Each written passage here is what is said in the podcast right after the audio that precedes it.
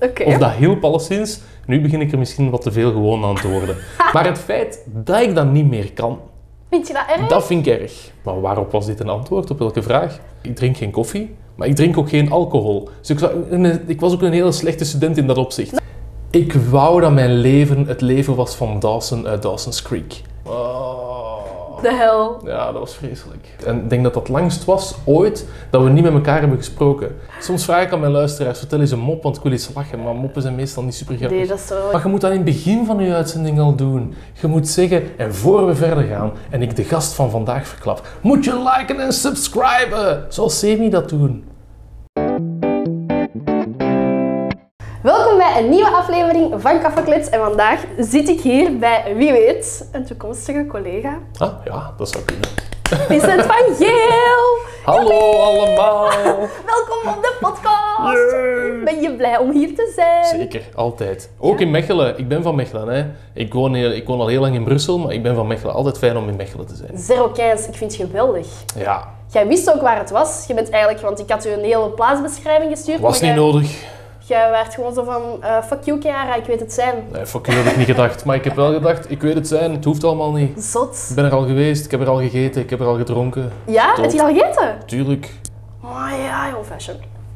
Als mijn Even broer zegt, laten we eens gaan lunchen, dan is dat vaak hier. Echt? Ja.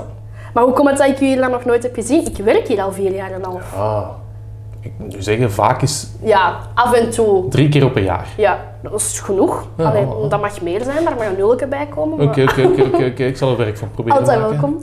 Eh, er is wel één ding waar ik het met u hier in het begin graag over wil hebben. Ja, En dat is dat je grijpt naar thee en jij bent geen koffiedrinker. ik ben geen koffie... Nee, ik, ik lust geen koffie. What the actual fuck? Ja, nee, koffie... Nooit gedronken? Nee. N- Geprobeerd? Ehm, ik denk ook van niet. Volgens mij heb ik ook nooit koffie ge... Mm, Oké. Waarschijnlijk wel eens gedronken bij Ja. mijn ouders als ze koffie hadden gemaakt en gedacht als kind, nope, niks voor mij. Waarschijnlijk. En ik drink de laatste tijd echt heel veel thee. Thee, maar dat is goed, hè? Ja, Heb je een voorkeur? Want je vroeg aan mij rozenpottel, we hebben zoiets in de naard. Vind je hem goed?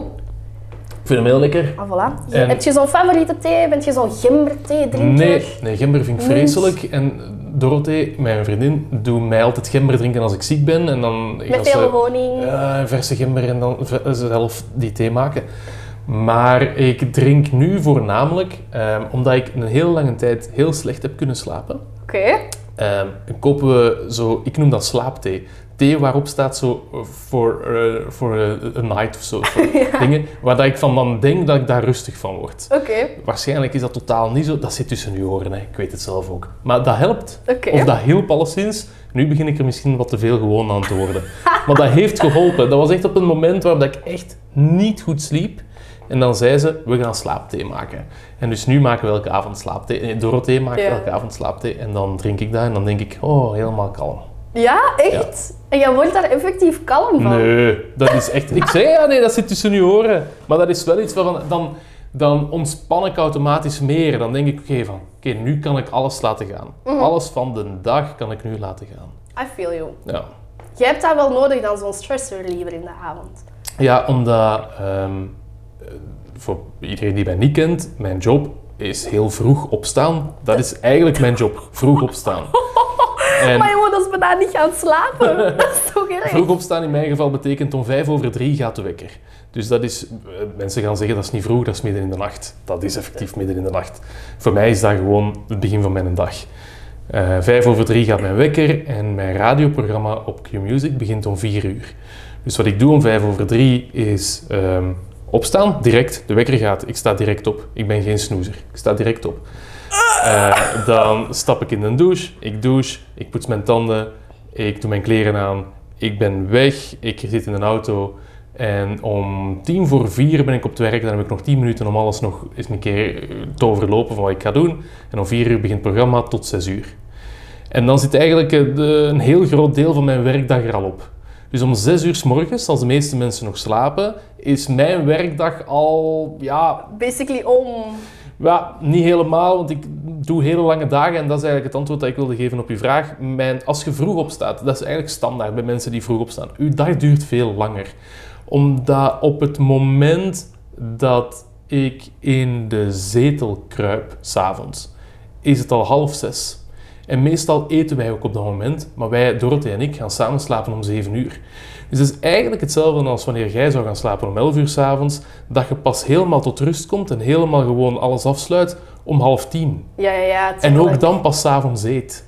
Dus dat is echt hoe ons ritme in elkaar zit. Omdat hoe vroeger je opstaat, ja, mensen, de mensen rondom ons houden natuurlijk geen rekening met dat wij vroeger opstaan. Dus Nee, dat is, inderdaad. als ik middags word uitgenodigd bij ons bomma om te gaan eten, of bij mijn broer om te gaan lunchen hier, 's middags voor mij zou zijn om 9 uur s morgens. Ja, inderdaad. Dat is heel gek. Ja. Dat is eigenlijk ontbijt. Ja, en dat gaat natuurlijk niet. Dus ik, ik eet 's middags ook mijn lunch om 12 uur, maar ik ben wel al 5 uur voor mijn broer opgestaan. Ah ja, tuurlijk. Dus je, je past je aan aan, op een bepaald moment pas je opnieuw aan aan de dag van andere mensen.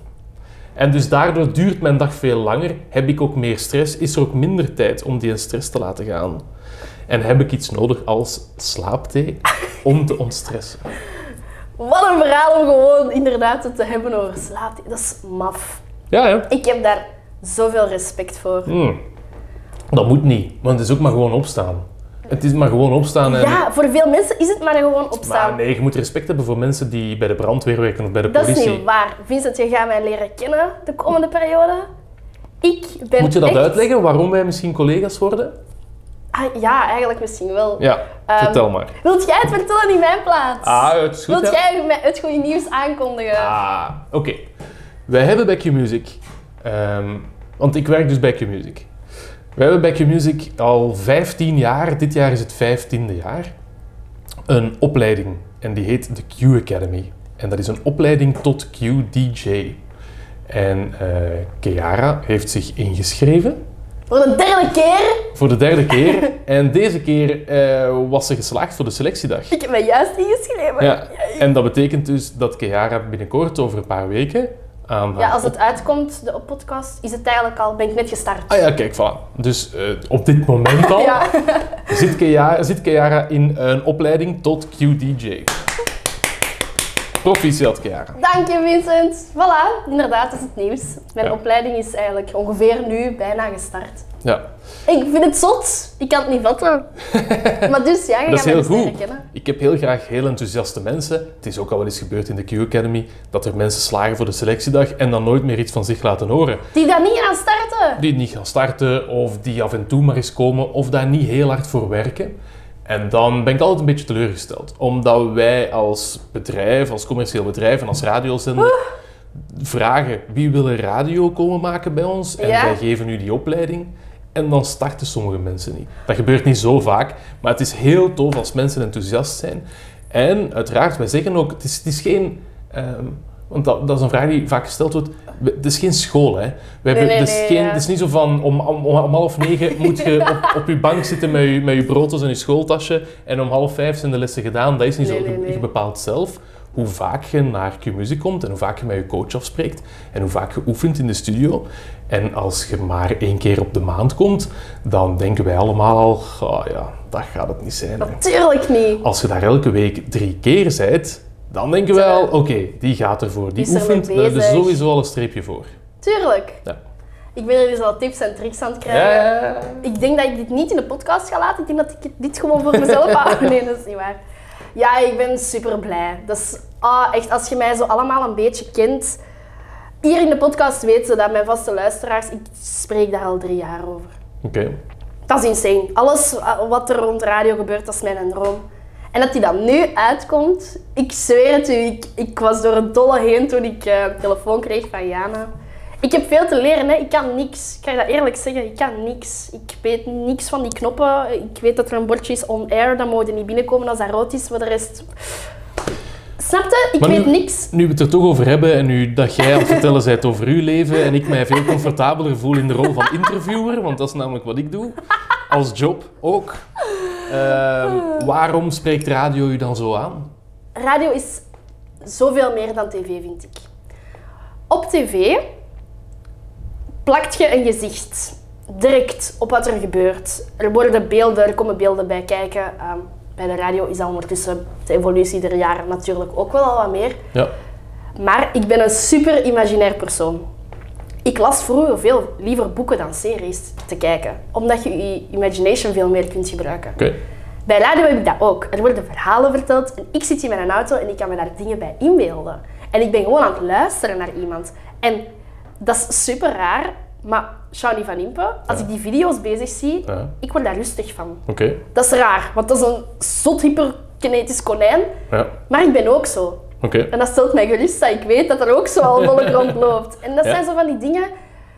Als ik, na- als ik naar de radio luister, ik, ik word daar echt gewoon blij van. En dat doet veel meer met mij dan dat ik naar tv kijk.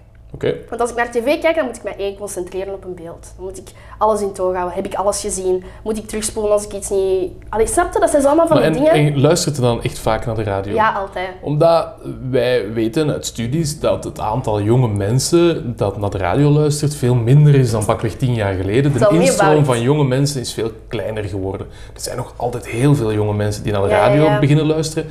Maar ze krijgen dat vaak niet meer mee van thuis. Of ze zeggen van, ah, ik heb een Spotify-abonnement van mijn ouders. Voilà. En mijn ouders luisteren eigenlijk ook niet naar de radio. En als ze naar de radio luisteren, vinden we dat saai. En er zijn podcasts. Ehm, ik vind dat er een lans te breken valt nog altijd voor de radio. Radio is mijn Mhm. liefde al jaren.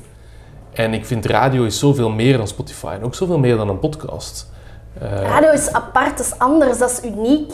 ja, Dat is iets dat evolueert in inhoud, maar dat evolueert niet in techniek of zo. Want radio is en blijft radio. Snap je wat ik ja, bedoel? ja, ik snap het. Ja. En dat vind ik net zo mooi. Want als je mij morgen zou vragen, Chiara, jij mocht eh, elke dag nu eh, het nieuws gaan presenteren. Ja, ik zou dat doen. Waarom? Omdat dat veel babbelen is. En ik babbel graag. maar ga ik daar gelukkig van worden en ga ik dat tien jaar volhouden? Nee.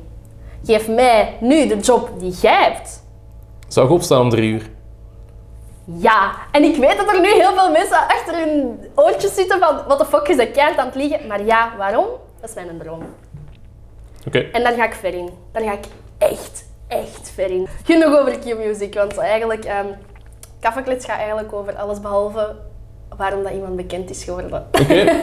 dus we gaan dat promoten. ik ben nooit bekend geworden, dus ik... eh, eh, Jawel. Oké, oké, oké. Jawel. Jawel. Oké, stel ben mij je wel. vragen. Jawel. Ah, dus de leeftijd. Ehm, waar woon je? Nee, dat is niet. We- 36, Brussel. 36. Ja, sorry. Is dat Dan ben jij van... Wacht, niks zeggen. Eh, we zijn 24... 97, 87, sorry. Ik ben van 87, ja. ja. Damn. Meer kan ik daar niet over zeggen. Ik Dat ben geboren op oud. 18 september 1987. Wauw, dat is ook de eerste, dat is wel de eerste keer dat iemand zegt, "Oh, je bent heel oud. Nee, dat is niet waar. Ik, ja, ik, ik lach graag met mijn podcastgasten. Ja, ik, eh, 36, dat is wel close bij de 40.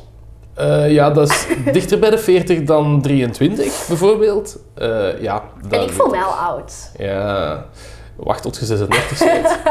Nee, ik voel mij... eh, Maar jij moet je niet oud voelen, Vincent. Ik was keihard met je aan het lachen. Hè? Maar ik heb daar wel, dat is wel een van mijn grootste frustraties. Ik ben niet goed in ouder worden. Bedoelt je ouder worden met de dag of ouder worden met jaren? In, in jaren. Ik, kan, ik vind het een, ik vind het niet leuk om te merken dat ik 40 zou gaan worden over drie jaar en een half. Dat, ik vind het niet tof. Ik Nee. wil dat niet. Dat heeft ook wat te maken met de omgeving waarin ik werk. Q-Music zijn heel veel jonge mensen. Ik werk daar in april al 15 jaar. Dus ik ben daar ook ooit begonnen als 21-jarige. hè. Eh, Oh joh! ja, ja. Dus dat, dat is, er zijn niet veel mensen die er al 15 jaar werken. Dus daar ben ik eigenlijk ook wel trots op. Maar het feit dat je... Ik ben niet meer jong. En er zijn een aantal dingen die je als jonge mens doet... die je niet meer doet als 36 jaar. Zoals... Ja, nee, nee, nee. Dat is echt gewoon... eh, ik, er zijn nu eigenlijk alle vrienden, alle vrienden die, die ik heb... of ongeveer alle vrienden die ik heb, hebben kinderen. Dan-? Heb ik heb zelf geen kinderen. Oké. Maar dan valt er heel veel weg van wat je kunt doen met vrienden. Omdat die mensen allemaal hun eigen gezin aan het bouwen zijn. En dat heb ik niet. Ik heb, ik heb mijn vriendin, we zijn perfect gelukkig zonder kinderen. Maar dat is wel iets wat dat verandert alles in uw vriendenkring. Tuurlijk. En ik denk met heimwee terug aan een aantal dingen. Ik, zou, ik, ik, kan, ik kan eigenlijk zeggen, ik zou graag nog eens met de Giro op kamp willen. Tot ik effectief met de Giro op kamp zou zijn. en dan zou ik na één dag zeggen, goed mannen, huis." ik ga naar huis. Omdat zoiets moet je doen als je 18, 19 jaar bent. En niet meer, dat, dat is ook de reden waarom dat, dat gebeurt als je 18, 19 jaar Ja, bent. ja, ja. Maar het feit dat ik dat niet meer kan, Vind je dat erg? dat vind ik erg. Ja, ik hoef het niet per Oh. se nog te doen. Nee. Maar het feit dat ik het niet kan, Dat vind ik erg. Ja, ik heb echt een probleem met ouder worden. En er komen met ouder worden ook... Ik, ik heb het ook niet graag over ouder worden, want dan voel ik mij echt oud. Terwijl ik nog maar 36... Ik vind echt van mezelf, ik ben nog maar 36. Hè. Eh, waarschijnlijk ben ik ouder dan al uw luisteraars samen. Ik heb er een paar, een paar van op leeftijd ook tussen zitten. Daar Oké, oké. Uw ouders of... keileuk. Mijn ouders luisteren niet naar mijn podcast. Ah, nee, nee, nee, oké. Dus die vinden mij niet leuk, die horen mij al elke dag. En die zeggen, die zeggen het niet nog. Mijn lief ook niet. Maar bon, daar moet ik het niet van hebben, maar ik heb het wel van heel veel andere leuke mensen. Ook jonger. Dus ehm, je moet je niet oud voelen, we zijn hier allemaal Nee, samen. maar jij hebt mij oud genoemd. Oh nee, gaat dat nu een complex worden? Ja, ik ga straks thuiskomen en tegen Dorothee zeggen, ik kan niks vertellen. Alleen maar dat ze mij oud genoemd heeft. Arme. Nee, ik bedoelde het niet zo. Maar ik snap wel wat je bedoelt, maar als je nu zo denkt van, je hebt in de scouts gezeten, veronderstel ik. In de Giro, ja. Of ja, is dat niet hetzelfde als toch een secte? Nee, zeker niet. Nee, Giro Oh, is veel leuker dan de Scouts. Heb je ooit in een jeugdbeweging gezeten? Jamais. Dan kun je er niks over zeggen. Jawel. Zal ik u eens een klein, kort, tof verhaal vertellen? Graag. Ik heb een klas overgeslagen. Ja. In het kleuterklasje. Ja. Wat dus wil zeggen, op het moment dat je naar het eerste leerjaar gaat, mocht je starten met Scouts, Giro, KLJ, whatever. Iedereen was zes jaar of ging zes jaar worden dat jaar. Ik niet. Ik was vier en ging vijf worden, want Ja. ik had een klas overgeslagen. Ja. Iedereen mocht starten in de Giro, Scouts, bla bla. Ik mocht meekomen naar de proefdag, maar daar stopte het voor mij. Omdat ik je heb- nog niet oud genoeg was. En ik heb toen gezegd, als al mijn vrienden mogen beginnen en ik volgend jaar in een groep moet terechtkomen waar ik eigenlijk niemand ken, Ja. eh, ja, nu achteraf gezien zou ik daar geen probleem mee hebben gehad. Maar wat, toen vond ik dat natuurlijk niet plezant. Heb ik gezegd, nu niet, nooit niet. Ik snap dat wel. Dat is het verhaal erachter. Ik snap zowel, wat was het, de Scouts of de Giro? Dat was scouts. Ik snap de Scouts langs de kant, ik snap u ook langs de kant. Maar dat is natuurlijk één voorbeeld van één Scoutsgroep en niet van Scouts Maar Nationaal dat of was, zo. wel, Maar dat was echt een schone regel. Dus achteraf gezien is dat Maar mega logisch. ik denk inderdaad dat zij zeggen van oké, maar het maakt ons niet uit in welk leerjaar je zit, want dan zou je bijvoorbeeld ook in de scouts een jaar moeten overslaan als je bijvoorbeeld blijft zitten. En of, overslaan of teruggaan of zo, bijvoorbeeld, snapte?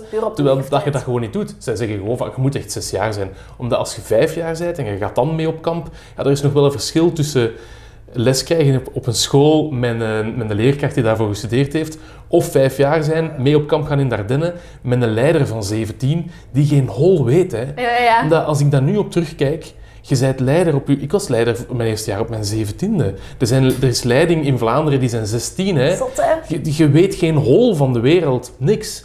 Was daar iets gebeurd? Wat is dat? Tuurlijk wel. En er er zijn wel volwassenen vaak mee op kamp. Ja. Maar dan nog, het feit dat dat zo goed blijft gaan, dat er zelden incidenten zijn op van die kampen of, of op zondagnamiddagen of zaterdagnamiddagen, dat vind ik zo graaf. Want dat is echt engagement van die leiding van die jongeren, van die jonge mensen. Ik ben er eigenlijk ook nog altijd van overtuigd dat als je tien jaar in de Scouts, Giro, KLJ, whatever hebt gezeten en jij wordt leider op een gegeven moment, dat jij veel meer gaat kunnen dan ik. Dat nu zeg dat ik ben vremo oud genoeg. Hè? Ik ben bijna 24, ik zou dat perfect kunnen, maar ik moet alles leren. Ik weet niet hoe dat, dat werkt. Wat is een scoutspel? Maar pardon. Ik zou verstoppertje spelen, tikkertje. Een kan bouwen, sjorren. Huh, wat? Maar dat zijn zo niet de dingen die je onthoudt van als je in de Giro... Wat ik heb onthouden van in, van in de Giro zitten is samenwerken. Ah ja, en en team, team, engagement, daar staan elke zondag.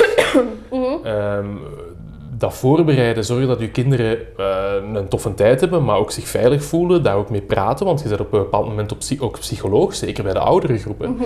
Want die, die hebben vaak, eh, de oudere groepen, dan bedoel ik 14, 15, 16, ook nog soms, hè.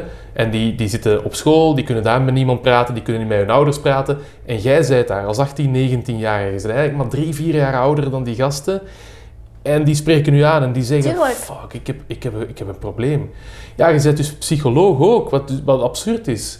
Maar dat is wel wat dat je doet, maar dat soort dingen draagt je wel mee in het verdere leven. Je bent super toegankelijk, hè. Ja, Dat is echt, ik, ja, ik heb als, eh, ben ik danscoach geweest, dus ik kan me daar ergens wel in vinden. en je betekent heel veel voor veel van die, van die kinderen dat en is jongeren.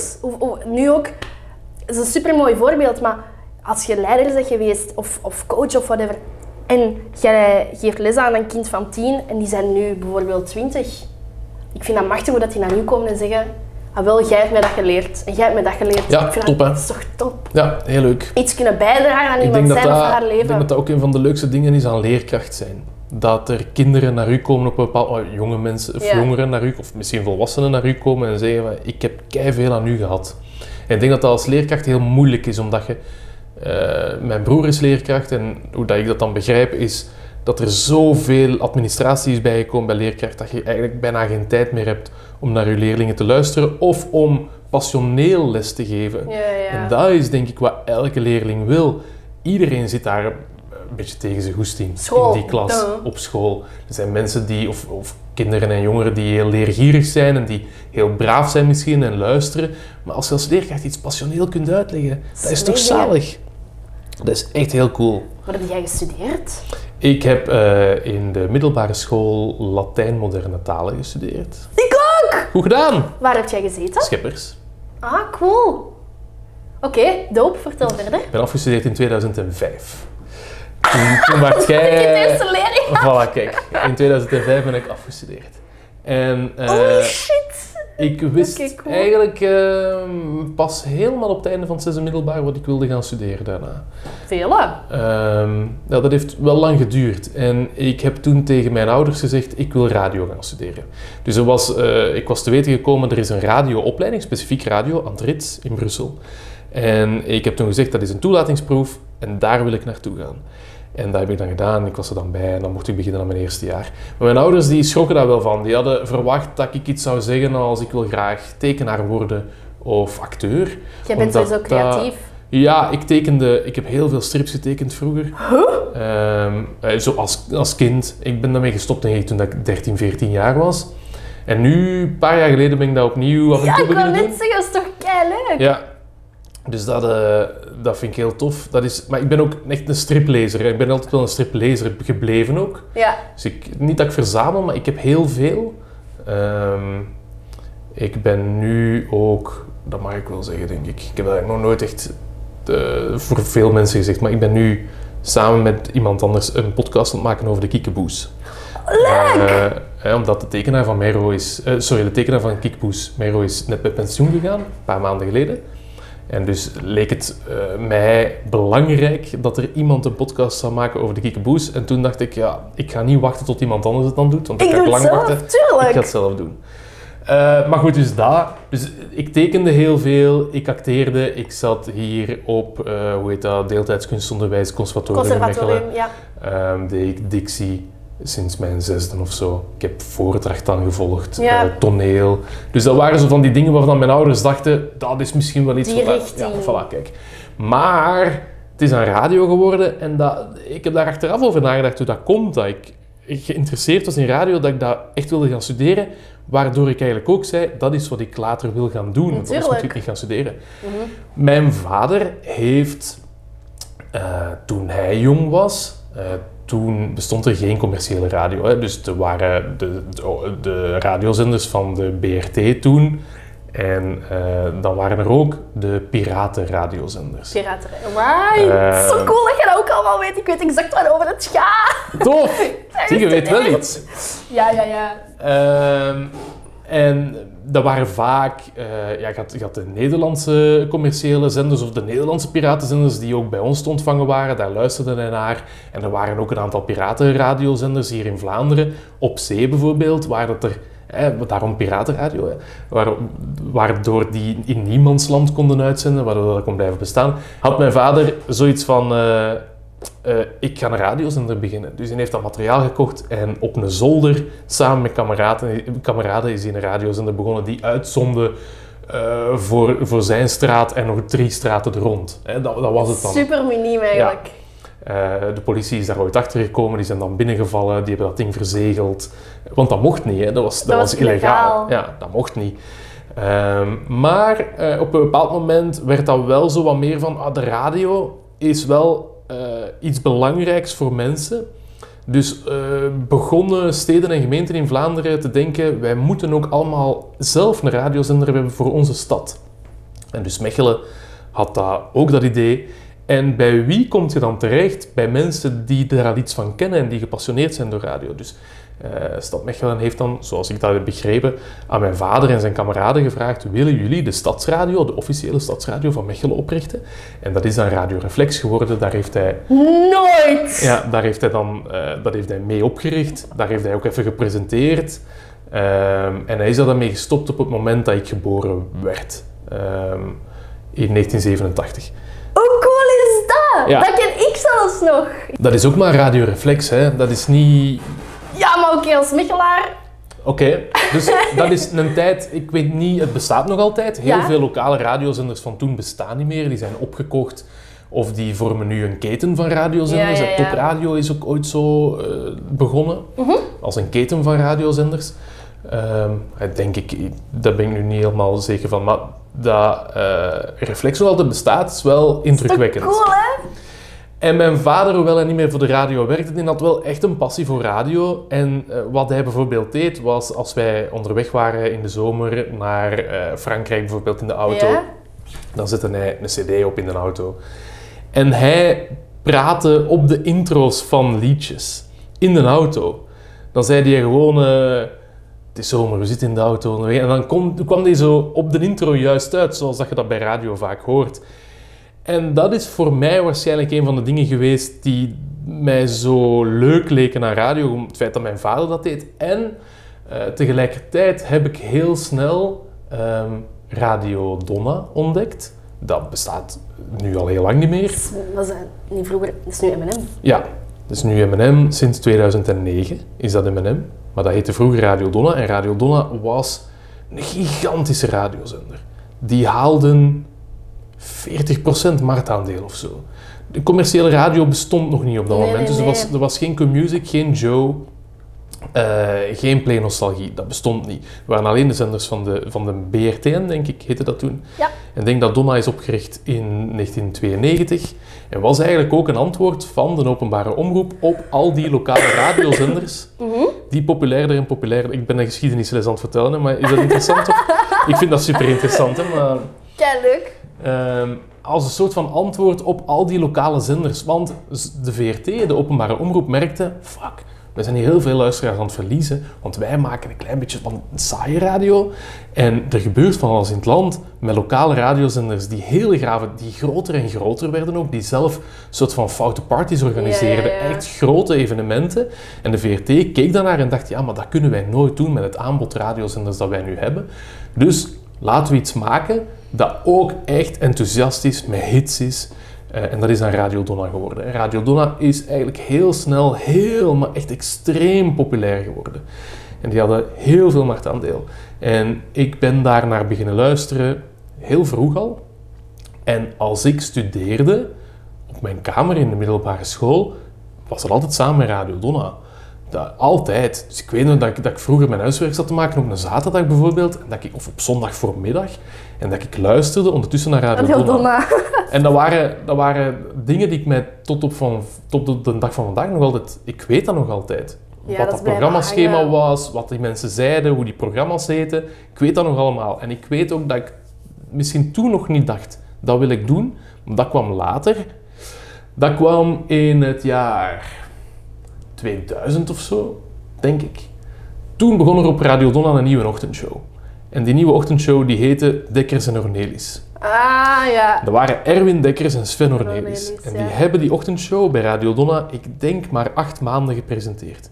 Maar die stonden, in mijn herinnering, elke week in de krant. Omdat die maakten een ochtendshow. Wij zijn ochtendshows gewoon nu, er gebeurt van alles. De hele tijd. Op dat moment, Dekkers en Ornelis, dat was nieuw. Die deden van alles. Nog nooit had iemand dat gedaan. Ja. Wij hadden allemaal ochtendshows tot dan, die allemaal redelijk saai waren. Die, dat waren mensen die draaiden muziek en ja. was nieuws en die, die kondigden een plaat aan en die kondigden een plaat af en die vertelden, die vertelden wel Ja, toffe ja, dingen, ja. maar dat was nooit zo, hey, wij zijn er en een goeiemorgen en je staat graag op met ons, ja, jij. Zo dat, is- enthousiasme. Dat enthousiasme en dat, dat vrolijke en we gaan van alles doen en we gaan in het land en we gaan onzin verkopen en, en moppen tappen en dat, dat werd nog niet gedaan en zij deden dat. Dus dat werd immens populair.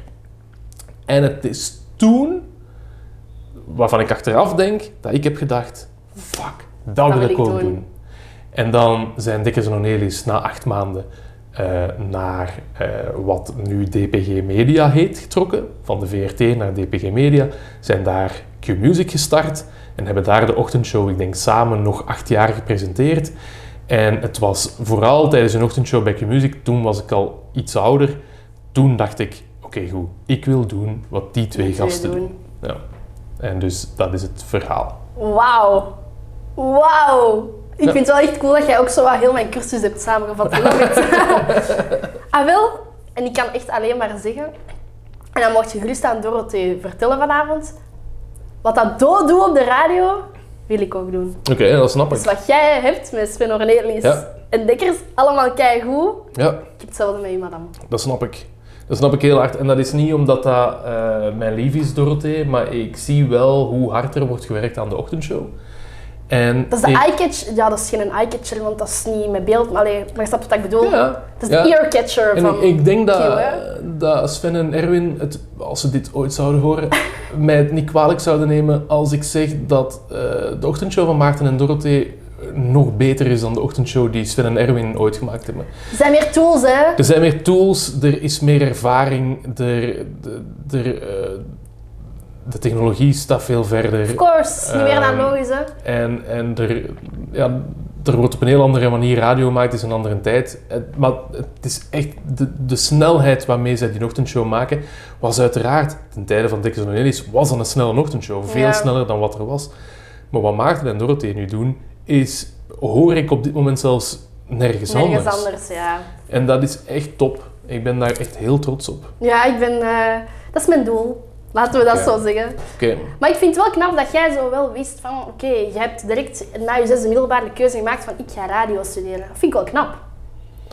ja, Was dat misschien direct wat dat je voor ogen had? Ik denk, ik denk wel dat ehm, eh, door die ochtendshow van Dikke Zonnelis Ja. en door de soort van radio die Q-Music maakte, die toch nog anders was dan wat Radio Donna deed, ehm, had ik wel het gevoel, en dat was zelfs... Ik denk dat ik wel heb gezegd, ik wil bij de radio werken, Ja, maar ja. nog vaker dacht ik, ik denk dat ik het nooit luidop heb gezegd, maar ik dacht, ik wil voor Q-Music werken. Ja? Ja. Dus dat, dat was voor mij, als ze mij dan op school vroegen, want ik heb dan radio gestudeerd aan het Rits, als ze mij dan vroegen, wat wilt je gaan doen? Dan zei ik, ah, ik wil presenteren. En in mijn hoofd dacht ik, op Q-Music. Ja. Maar dat is er Dat misschien nooit uitgekomen. Nee, maar dat is wel het doel. En de- ik weet dat ze daar op school, op het Rits, waren ze daar niet blij om. En dat wist ik al. Dus daarom dat ik dat niet uitsprak. Nee, nee, nee, Omdat het Rits is een, is een kunstschool. Dus wat zij eigenlijk willen is eh, kunstenaars afleveren. Mensen die audio ehm, eh, naar, naar musea brengen. Kunstinstallaties maken. Eh, dat heet Ja, wel ja, ja. radio, maar het moet wel, wat, het moet wel eerder Radio 1 en Clara en misschien nog Stubru zijn. Maar voor de rest Dus- zeker de commerciële radio. Bye! Ja, zeker niet. De, ik denk dat de radiorichting Ja, ja, ja. bestond zeven jaar toen ik de eerste student was die ehm, stage mocht gaan doen bij, Bij de commerciële, commerciële zender. zender. Ja. Maar dat is ook wel zot.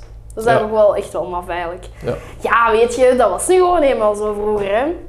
Bedoel, Ja, mijn nu, mama... nu mijn- nog altijd, denk ik. eh, Al veel minder. Dat kan ik je wel zeggen. Dat is echt al wel een pak minder. Gaat het er ooit helemaal uitgaan? Ja, nee. Schoenmaker blijft bij je leest, hè. Iedereen is zo, hè. Elke Mhm. uitvinder. Mhm. dus. Allee, cool. Maar ja, ik vind het gewoon wel vet dat jij ook gewoon van Mechelen bent. En Ja, de, de zo... mens moet ergens vandaan komen. Jij-? Ja, maar dat is toch toevallig? ik, ik heb hier mensen van over heel België en jij bent Ja, van hier. maar ik, ik woon echt al sinds... eh, eh, hoe lang woon ik in Brussel? Toch al een jaar of 16 misschien al bijna. Ja, oké. Maar dat, maar het doet er allemaal niet toe, want je bent van Mechelen, dus dat vind ik wel cool. Ja, Wat was je favoriete café toen je jong waart hier? Ik heb, eh, ik zal zeggen de gouden vis. Dat is Eh, toch cool? Dat bestaat nog altijd. Ja, dat leeft nog altijd. altijd. Dat leeft hier nog altijd. ik, heb, eh, ik heb vroeger in een, eh, en toen was ik vooral nog, toen woonde ik nog in Mechelen, ik heb in een bandje gezeten, ik heb gezongen in een band. Eh, Kun je zingen? Nee, niet meer. Nee, Ja. dat is iets dat je niet verleert. Jawel, want je moet je stembanden blijven gebruiken, want dat is een spier. Hè. Als je dat niet gebruikt, dan, dan verleert je dat wel. Oké, ik maar kan als niet je- meer die hoge, dat denk ik. Ik heb al Nee. heel lang niet meer gedaan. Daar ben ik het niet mee eens. Want ik vind als je leert fietsen en je doet dat tien jaar niet meer, daarna moet je daar ook even. Ja, ja, maar maar je kunt is- dat nog wel. Fietsen is een skill. Stemmen moet je, eh, zingen Dat is ook een skill? trainen. Nou, je moet dat echt trainen. Je Ik moet dat zingen, blijven ik onderhouden. daar. Eh, maar ik heb in een bandje gezongen, we hebben meegedaan aan zo'n Maanrock Rally. Ik weet niet of dat Ja, nog dat bestaat. bestaat nog! Bestaat dat Een nog? vriend van mij heeft dat gewonnen. Ah, ja, ja, kijk goed. jaar. Ja, oké. Wij hebben dat nooit gewonnen. Wij hebben meegedaan, eh, denk ik, maar twee keer. En een van, de tweede keer was een van de commentaren, de band is goed, de zanger zingt wat vals. Dus, Bon, dus... ja, Wauw, rude, but fine, oké. ja oké, ja, goed, ja, dat was het dan wel. Oké, dus ik, ik- dat zal dan wel zo geweest zijn, denk ik. De zanger, de zanger zingt wat vals. Dat was eigenlijk op een moment waarop eh, Bart Peters net begon met Nederlandstalig te zingen. En dat is niet altijd zo geweest. Hè. Ik denk dat dat in 2001 was of zo dat hij daarmee begonnen is. En dat was, of 2002, ik weet niet meer. Maar dat was voor mij, ik was toen een hele grote fan. Hoe oud waren jij toen even? Ja, dus 14, 15 Ja. hè. Eh, en ik heb dat gedaan, eh, die een band, totdat ik 19 of 20 was, Ah denk ja, ik. oké, echt nog lang volgehouden. Ja, Zo lang vals gezongen in een bandje. we hebben, we hebben twee albums gemaakt. Nooit eh, op de markt, maar in eigen beheer uitgegeven. Er zijn nog heel We veel. vinden dat nergens. Er zijn nog, laten we zeggen, eh, een stuk of 300 exemplaren in de omloop. Dus 300 families zouden die CD misschien nog ergens moeten hebben. Oké, dan doen we een oproep. Wie heeft er een cd van Vincent van Geel thuis liggen in zijn bandje? onze, onze band heette Grind. Grind. Grind, ja, met een T achteraan. Oh, Ehm, en wij brachten een Nederlandstalige klein pop, noemden we het zelf, omdat wij ons zagen tussen wat Bart Peters toen bracht, dat was wel ingetogen toen nog, en Clouseau. Oké. En wij maakten zo wat de mengeling daarvan, in het Nederlands. Eh, waarom, vertel ik dat allemaal? Dat heeft, ook nog, dat heeft ook nog online gestaan, die songs, wij hadden een MySpace. Eh zegde dat iets, een MySpace? dat zegt. Ik heb dat nooit gehad, maar dat zegt me Justin. Timberlake heeft dat uiteindelijk gekocht, denk ik, als ik me niet vergis. Maar dat was toen heel populair. Dat was social medium nog voordat social media bestond. Ja. En dat was voor bands, die konden daar muziek op zetten. En zo kon je dus als eh muziekgeïnteresseerde zoeken naar muziek van mensen die je misschien nog niet kende. En zo werden mensen echt groot. Oh ja. Voor YouTube bestond, was MySpace echt een plek waar daar artiesten werden ontdekt. Dat is zo'n beetje de voorloper van Soundcloud. Eh, ja, dat zou je inderdaad De ook kunnen zeggen. voorloper. Ja, ja, ja, ja. Ja, en dat stond daar, was mijn foto en mijn tekstje en mijn biografie en dan kon je nummers afspelen. En, Keileuk! ja, dus dat was eh, wat wij deden met Grind. Maar waarop was dit een antwoord? Op welke vraag? Ik zei, ik vroeg hoe mijn Ah ja, waar ja, juist. Oké. En het favoriete café. favoriete café. En we en hebben... gouden vis. Ja, voilà. En we hebben ooit een nummer gemaakt en dat heet Elvis Leeft. Ik weet nog, ik heb dat geschreven, ehm, ik denk in het vijfde of in het zesde middelbaar, tijdens een examen. We hadden toen zo examens waren in een grote zaal. Ja. En dus als je klaar waart, Moest je, wachten. moest je wachten. Ja.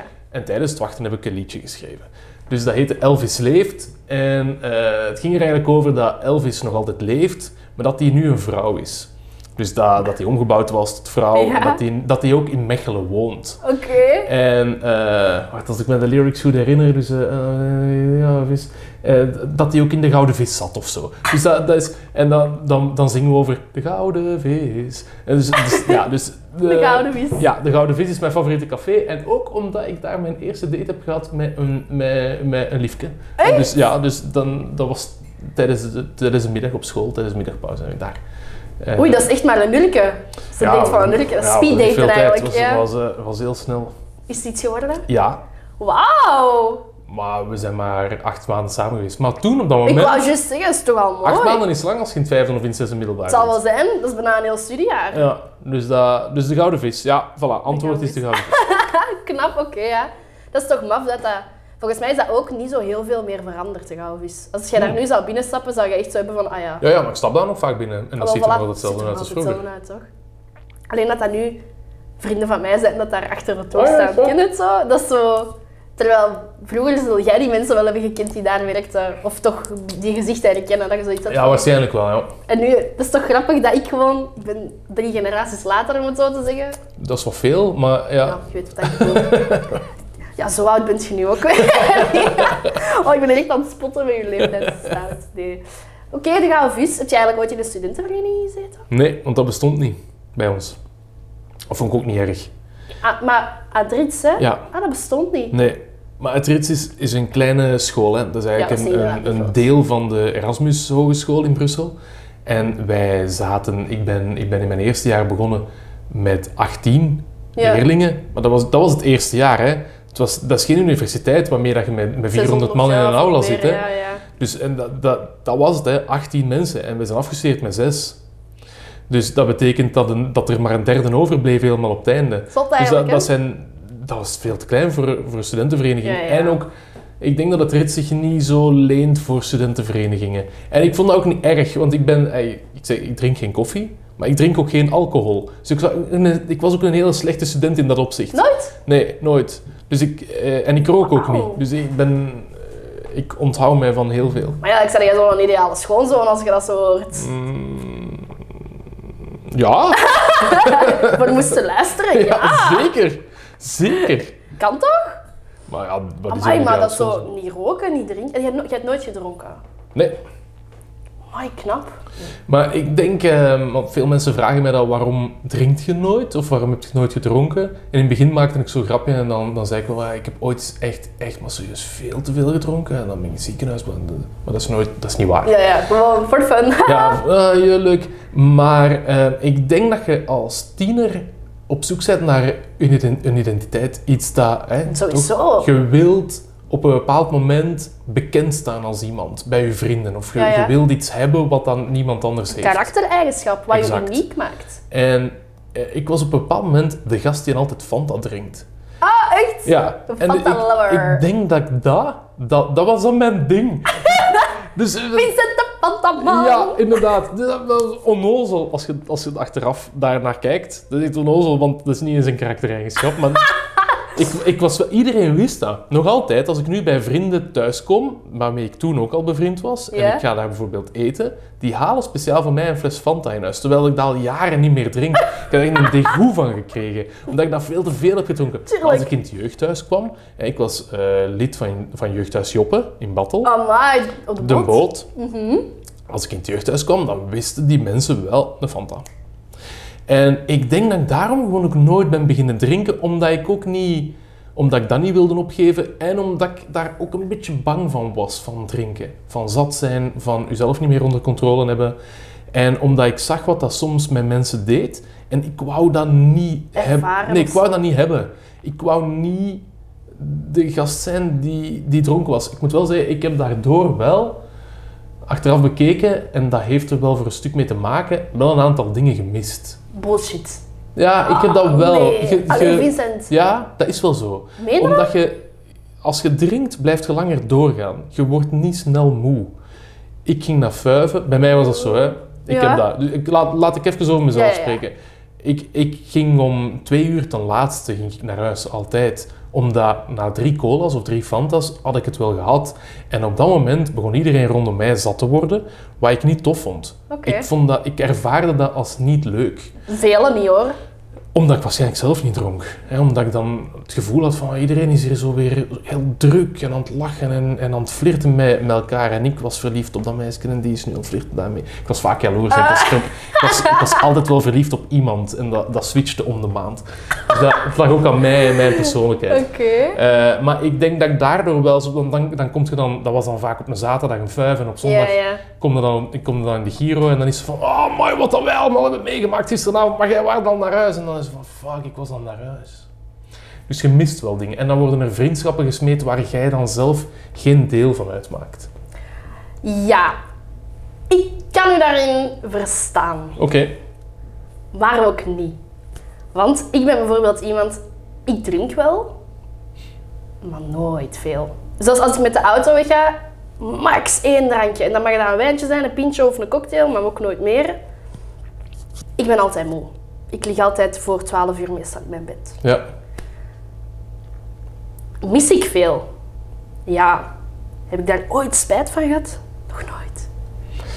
Ik als tiener wel. Nog nooit. Als tiener ik wel. Nu niet meer, hè. Nu maakt mij dat helemaal niet meer uit. Maar als Echt, tiener had ik dat wel. Maar ik was misschien ook wel een beetje een getormenteerde tiener. Als in... Goh, eh, als er mensen zouden zijn van mijn leeftijd die luisteren naar deze podcast. Ik wou dat mijn leven het leven was van Dawson uit Dawson's Creek. En dat is een serie die u niks zegt. om- Jawel, maar ik heb hem nooit gezien, maar ik ken Dawson's Creek wel. Oké, Dawson in Dawson's Creek was altijd ongelukkig. En ik spiegelde mezelf aan Dawson. Wauw. En ja, omdat ik als tiener bent gevatbaar voor dingen die je ziet. Ja, en ik vond, beïnvloedbaar ja, en ik vond hoe hij sprak en wat dat hij deed. En hij had ook zo'n passie zoals ik dat met radio had of, of met iets anders. Hij had dat voor film. Ja. En dus voor mij was dat, wauw, oké, die gast, dat wil ik zijn. Mensen lachen mij daarmee uit, want niemand wil Dawson zijn uit Dawson's Creek. Maar ik wou Dawson uit Dawson's Creek. en ik, want ik herkende mezelf daarin, omdat ik, ik, ik denk dat ik een heel emotionele gast ben. Ik ben eh, en wat ik zei, ik werd toen als tiener om de maand op iemand anders verliefd. En ik ging daar dan keihard in op. Ik was echt alles... Ik durfde ook niet meer tegen dat meisje praten. Oh nee, zo Dus- shy. Ja, dus dat was vreselijk. Omdat het enige wat ik wou was daarmee praten, maar ik durfde niet meer praten. En die ging dan praten met iemand anders. En dan kreeg je die relatie. En dan was ik drie maanden ongelukkig. En dan was ik gewoon zo aan het wenen en dan zo van school naar huis met een fiets. En dan zo niet wenen, want dat deed ik niet, maar zo, wel zo heel ongelukkig Ja. zijn. En zo heel naar tristige muziek luisteren. Zo. En dan een maand later op iemand anders verliefd. Ja. Opnieuw hetzelfde scenario. Oh. De hel. Ja, dat was vreselijk. Oh, garme. Mm. Chance dat je nu een goede relatie hebt dan. Eh, ik heb een supergoeie relatie. Ik ben heel blij met mijn Is relatie. Dorothee makkelijker? Als in zo geen bossy bitch of van zegt van ik moet dat doen of ik moet dat doen, die je zo heel vrij laat en... Nee, Dorothee is super makkelijk om een relatie mee te hebben. Ja? Ik denk dat dat te maken heeft wel met wie wij allebei zijn. Maar wij zijn nu bijna 14 jaar samen. Eh, wij zijn samen sinds 2010. Dus dat is lang, hè? Al, toch? Dat is inderdaad al lang. Ehm, en- Tijd voor kinderen! Nee! Eh, wij zijn ook niet getrouwd. Wij hebben ook geen eigen huis. Dus wij huren een appartement. Wij wonen niet eens officieel samen. Eh, en we hebben geen kinderen. Ehm, maar we zijn wel al 14 jaar samen. Is dit voor het schijn? Eh, nee, nee, nee, nee. En we wonen ook al bijna 14 jaar samen. Dorothee is na een jaar bij mij komen wonen al. Amai, oké. Ja, en zij studeerde toen nog. Ehm maar Dorothee is heel gemakkelijk om een relatie mee te hebben. En ik denk dat wij daar allebei wel samen in gegroeid zijn. Ik denk dat in het begin is elke relatie niet evident, omdat je elkaar moet leren kennen. En hoe jonger je aan een relatie begint, hoe makkelijker dat, dat gaat, omdat je kneedbaar bent. En als je aan een relatie begint op je 36e, dan heb je heel je leven al ingericht zoals dat jij persoonlijk dat wilt. En dan Dat is komt nog daar plots- moeilijker, denk ik. Super moeilijk. Dan komt daar plots iemand bij en je moet je aanpassen. Maar je leeft al 36, nee, niet zo lang, maar al Ja, heel lang Op je op eentje, je eigen, ja. met je eigen regels en je eigen dingen. Principes, tuurlijk. Ja, exact. Dus dat is super moeilijk. Dus ik denk wij zijn, Dorothee was 20 toen dat wij onze relatie begonnen, ik was 23. En dus dat is gaandeweg echt super makkelijk geworden. Wij verstaan elkaar, wij communiceren goed, wij weten wat we aan elkaar hebben. Dorothee is niet jaloers, ik ben niet jaloers. Ehm, en dat is het belangrijkste, dat je goed kunt communiceren met elkaar. En dat je weet wat je van elkaar kunt verwachten. En maken wij ruzie? Ja, tuurlijk maken Wie wij niet? ruzie. Tuurlijk, Wie niet? dat gebeurt. En dan, dan is het, we hadden, we hadden eh, twee weken geleden echt nog een ruzie die vijf uur geduurd heeft. En ik denk dat dat langst was ooit dat we niet met elkaar hebben gesproken. Dat was echt vijf uur lang hebben we niet met elkaar gesproken. Dat is nog nooit gebeurd. Maar, ik, maar je zit in een relatie en die duurt al 14 jaar en je hebt al vaker ruzie gemaakt. Dus je weet ook, oké, dit is nu even ruzie. Ja. Maar dat betekent dan dat het straks ook wel niet meer ruzie zal ja, zijn ja, ja. omdat je maakt nooit ruzie waarmee dat je eh, met slaande deuren vertrekt. Je maakt ruzie omdat je heel even kwaad bent.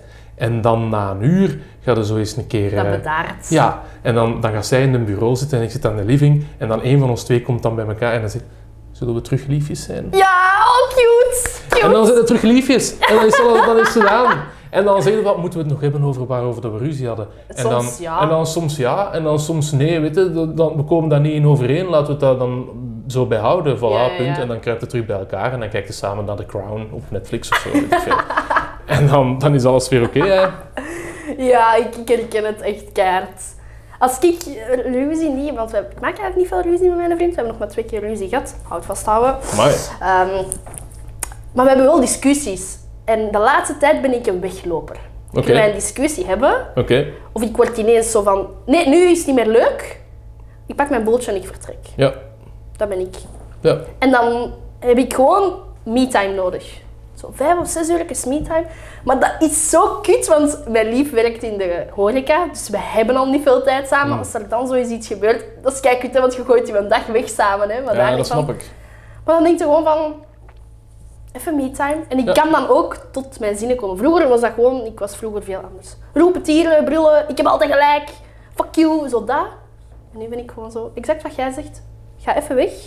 Ik, bij mij is dat gemakkelijk, want wij wonen niet samen. Dus ik kan zo even gewoon helemaal weggaan. Maar dan de ruimte zou perfect zijn. En gewoon zo even bedaren. Ja, En daarmee En- maar- niet gelijk... je, je kunt dat zelfs uitspreken, zeker als je dat voor de eerste keer doet. Ja. Dan zeg je gewoon, oké, we gaan hier de ruzie even stoppen.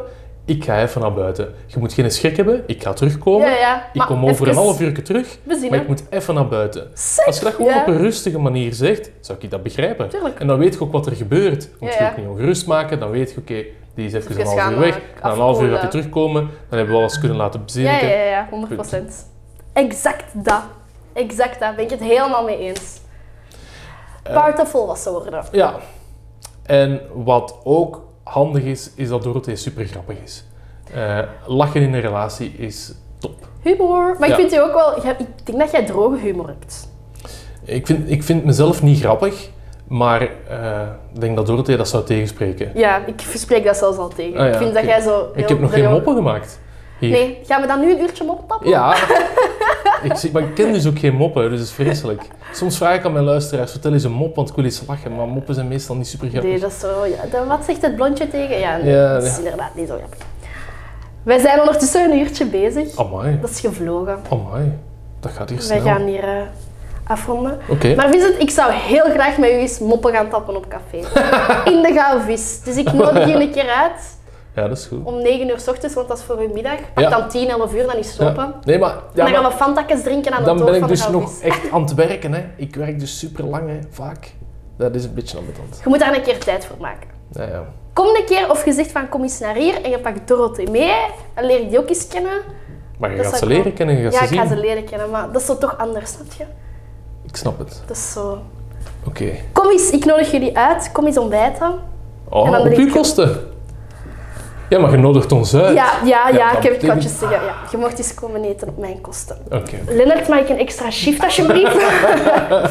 nee, hele dikke merci Vincent. Ik vind Heel het super graag cool dat je hier bent geraakt. Graag gedaan. Er zijn goede mensen bij Q, want Vincent Virus, jij mag niet meer komen. Ik heb hem zelfs nog gestuurd, hè, nadat ik u had gevraagd. Ik Oei. heb gezegd van, nu we misschien collega's worden, wil je nu wel komen? Bekeken. Maar heeft het ook zo druk, heeft het ook zo druk. Die jongen presenteert een avondspitsprogramma. I know, Dat is I ook know, zo moeilijk. I know. Dus misschien moet ik Emma vragen. Als ik Emma vraag, dan gaat hij zoiets van, hé, hey, Emma gaat wel. en, Dan ga ik Dat kun je ja. doen. Of zo'n duo. Eigenlijk kan ik dat moeten doen met u en duo. Dan jullie hier met twee kunnen zitten. Toch, Maar je hebt, geen twee micro, je hebt geen drie microfoons. Jawel, Ah. ik heb alles. Oké, goed. Einde van de podcast. Bedankt voor het luisteren en te kijken als je kijkt op YouTube. En tot een volgende keer. Dag! Dat is echt een perfect einde. Like en subscribe, kaffekletsen, tot de volgende. Doei! Ja, like en subscribe, tuurlijk. Dat is hoe we het nu doen, hè. Doe me. Allee, wilt je een tweede kans? Maar je moet dat in het begin van je uitzending al doen. Je moet zeggen, en voor we verder gaan en ik de gast van vandaag verklap, moet je liken en subscriben. Zoals Semi dat doen. Celine Michiel, hè? Ja, maar ik was Ah, even aan het semi. Tot ziens! Doei!